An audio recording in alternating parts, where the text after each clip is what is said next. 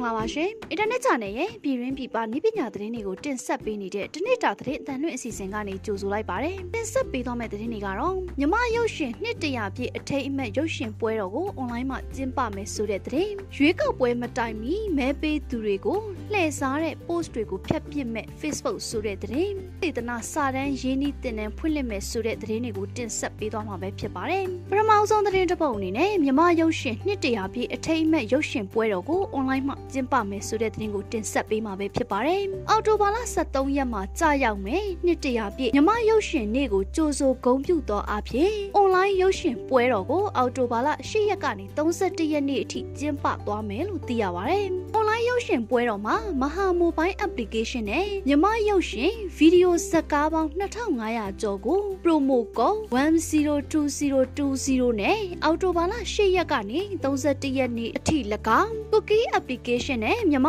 ရုပ်ရှင်ဇက်ကားပေါင်း90ကျော်ရုပ်သံလိုင်းပေါင်း90ကျော်နဲ့မြမရုပ်ရှင်နှစ်တရာပြည့်အထိမ်းအမှတ် movie event တွေကို promo code MMFILM100 နဲ့အောက်တိုဘာလ23ရက်ကနေ31ရက်အထိ၎င်းပြုံး play application နဲ့မြမရုပ်ရှင်ဇက်ကား30နဲ့ဇလန်းတွဲတွေကို၎င်းအခမဲ့ကြည့်ရှုနိုင်မှာပဲဖြစ်ပါတယ်အဆိုပါ online ရုပ်ရှင်ပွဲတော်ကိုပြန်ကြားရေးဝန်ကြီးဌာနနဲ့မြန်မာနိုင်ငံရုပ်ရှင်အစည်းအရုံးတို့ပူးပေါင်းပြုလုပ်တာဖြစ်ပြီးတော့ online ရုပ်ရှင်ပွဲတော်ကိုခေတ်အဆက်ဆက်ရိုက်ကူးပြသခဲ့ကြတဲ့မြန်မာရုပ်ရှင်အမှုပညာရှင်အတတ်ပညာရှင်တွေရဲ့အမှုပညာအစွမ်းတွေကိုပြန်လည်ခန်းစားသိမြင်နိုင်စေရန်မြန်မာရုပ်ရှင်ကိုနှစ်သက်တဲ့ပြည်တွင်းပြည်ပမှရုပ်ရှင်ပရိသတ်တွေအနေနဲ့မိမိကြိုက်နှစ်သက်ရာဇာတ်ကားတွေရွေးချယ်ကြည့်ရှုနိုင်စေရန်နဲ့ရုပ်ရှင်ချစ်ပရိသတ်တွေကို COVID-19 ရောဂါဆိုင်ရာစီကံချက်တွေနဲ့အညီမိမိတို့နေရာအသီးသီးမှာလုံခြုံကျန်းမာဘေးကင်းစွာကြည့်ရှုနိုင်ရန်ရည်ရွယ်ပြုလုပ်တာပဲဖြစ်ပါတယ်။ဆက်လက်ပြီးရွေးကောက်ပွဲမတိုင်မီမဲပေးသူတွေကိုလှည့်စားတဲ့ post တွေကိုဖျက်ပစ်မဲ့ Facebook ဆိုတဲ့သတင်းကိုတင်ဆက်ပေးမှာပဲဖြစ်ပါတယ်။ Facebook ဟာ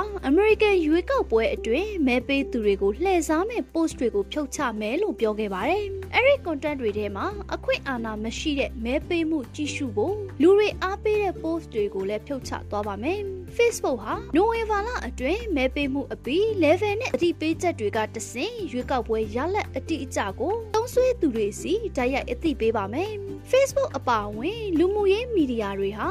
2016ခုနှစ် American ရွေးကောက်ပွဲအတွင်း American တွေအကြားသဘောထားကွဲလွဲမှုဖြစ်ပေါ်ဖို့ရုရှားက platform တွေကိုအလွဲသုံးစားလုပ်တာကိုမဟန့်တားနိုင်ဘူးလို့လူတွေကဝေဖန်ခဲ့ကြပါတယ်။နောက်ပိုင်းမှာ Facebook က American ရွေးကောက်ပွဲအတွက်ပြင်ဆင်မှုတွေကိုပြုလုပ်လာပြီးတော့မဲပေးသူအချက်အလက် online have ဖန်တီးတာအယူလွဲနိုင်တဲ့ post တွေအပေါ်တတိပေးချက်ထည့်သွင်းတာတွေလုပ်လာပါတယ်။ နိုင်ငံရေးသမားတွေအောင်မြင်ကြော်ကြားသူနဲ့တက်ကြွလှုပ်ရှားသူတွေကတော့သတင်းတူတိုက်ဖြတ်ဖို့ Facebook ပုံမလှုပ်ဆောင်တင်တယ်လို့စောက်ဝေဖန်နေကြပါတယ်။ Facebook ဟာနိုင်ငံရေးသမားတွေရဲ့အချက်လက်ကိုတော့အချက်အလက်စစ်သူတွေစီမပို့တဲ့ policy ကြောင့်လေမီးပွားလေးတစ်ခုဖြစ်လာအောင်ပါမယ်။နောက်ဆုံးသတင်းတစ်ပုဒ်အနေနဲ့ online သုတေသနစာတမ်းရင်းနှီးတင်နန်းဖွင့်လှစ်မယ်ဆိုတဲ့သတင်းကိုတင်ဆက်ပေးမှာပဲဖြစ်ပါတယ်။တတိယအကြိမ်မြောက် online သုတေသနစာတမ်းရင်းနှီးတင်နန်းတန်းခွဲတစ်အနေနဲ့အော်တိုဘာလ10ရက်မှာဖွင့်လှစ်သွားမယ်လို့သိရပါတယ်။တင်နန်းကိုပညာရေးသုတေသနလုပ်ငန်းများစီးပွားရေးလုပ်ငန်းများ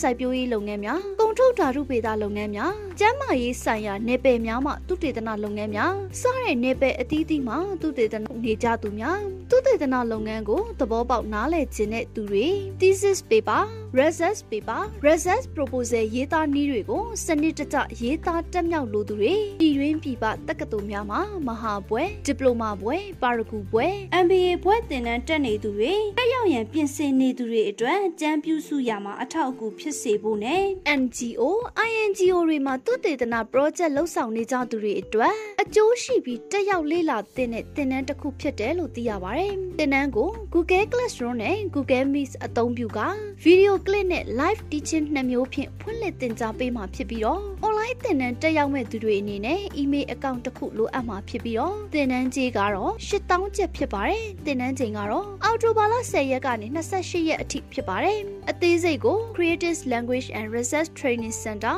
ဖုန်း39 4295 31ခွန်31တို့ဆက်သွယ်စုံစမ်းနိုင်ပါတယ်။ အခုတင်ဆက်ပေးသွားတဲ့သတင်းတွေကနိုင်ငံတကာနဲ့ပြည်တွင်းမှာရရှိထားတဲ့နည်းပညာသတင်းတွေကိုအင်တာနက်ဂျာနယ်ကနေတင်ဆက်လိုက်တာပဲဖြစ်ပါတယ်။အခုလို COVID-19 ဖြစ်ပေါ်နေတဲ့ကာလမှာပြည်သက်တွေအနေနဲ့လည်းကျန်းမာရေးနဲ့အာကစားဝန်ကြီးဌာနရဲ့လက်ညှိုးမှုတွေနဲ့အညီလိုက်နာဆောင်ရွက်ခါနေထိုင်သွားလာဖို့တိုက်တွန်းလိုက်ပါတယ်။ကျွန်မကတော့ဝေမြင့်မှုပါ။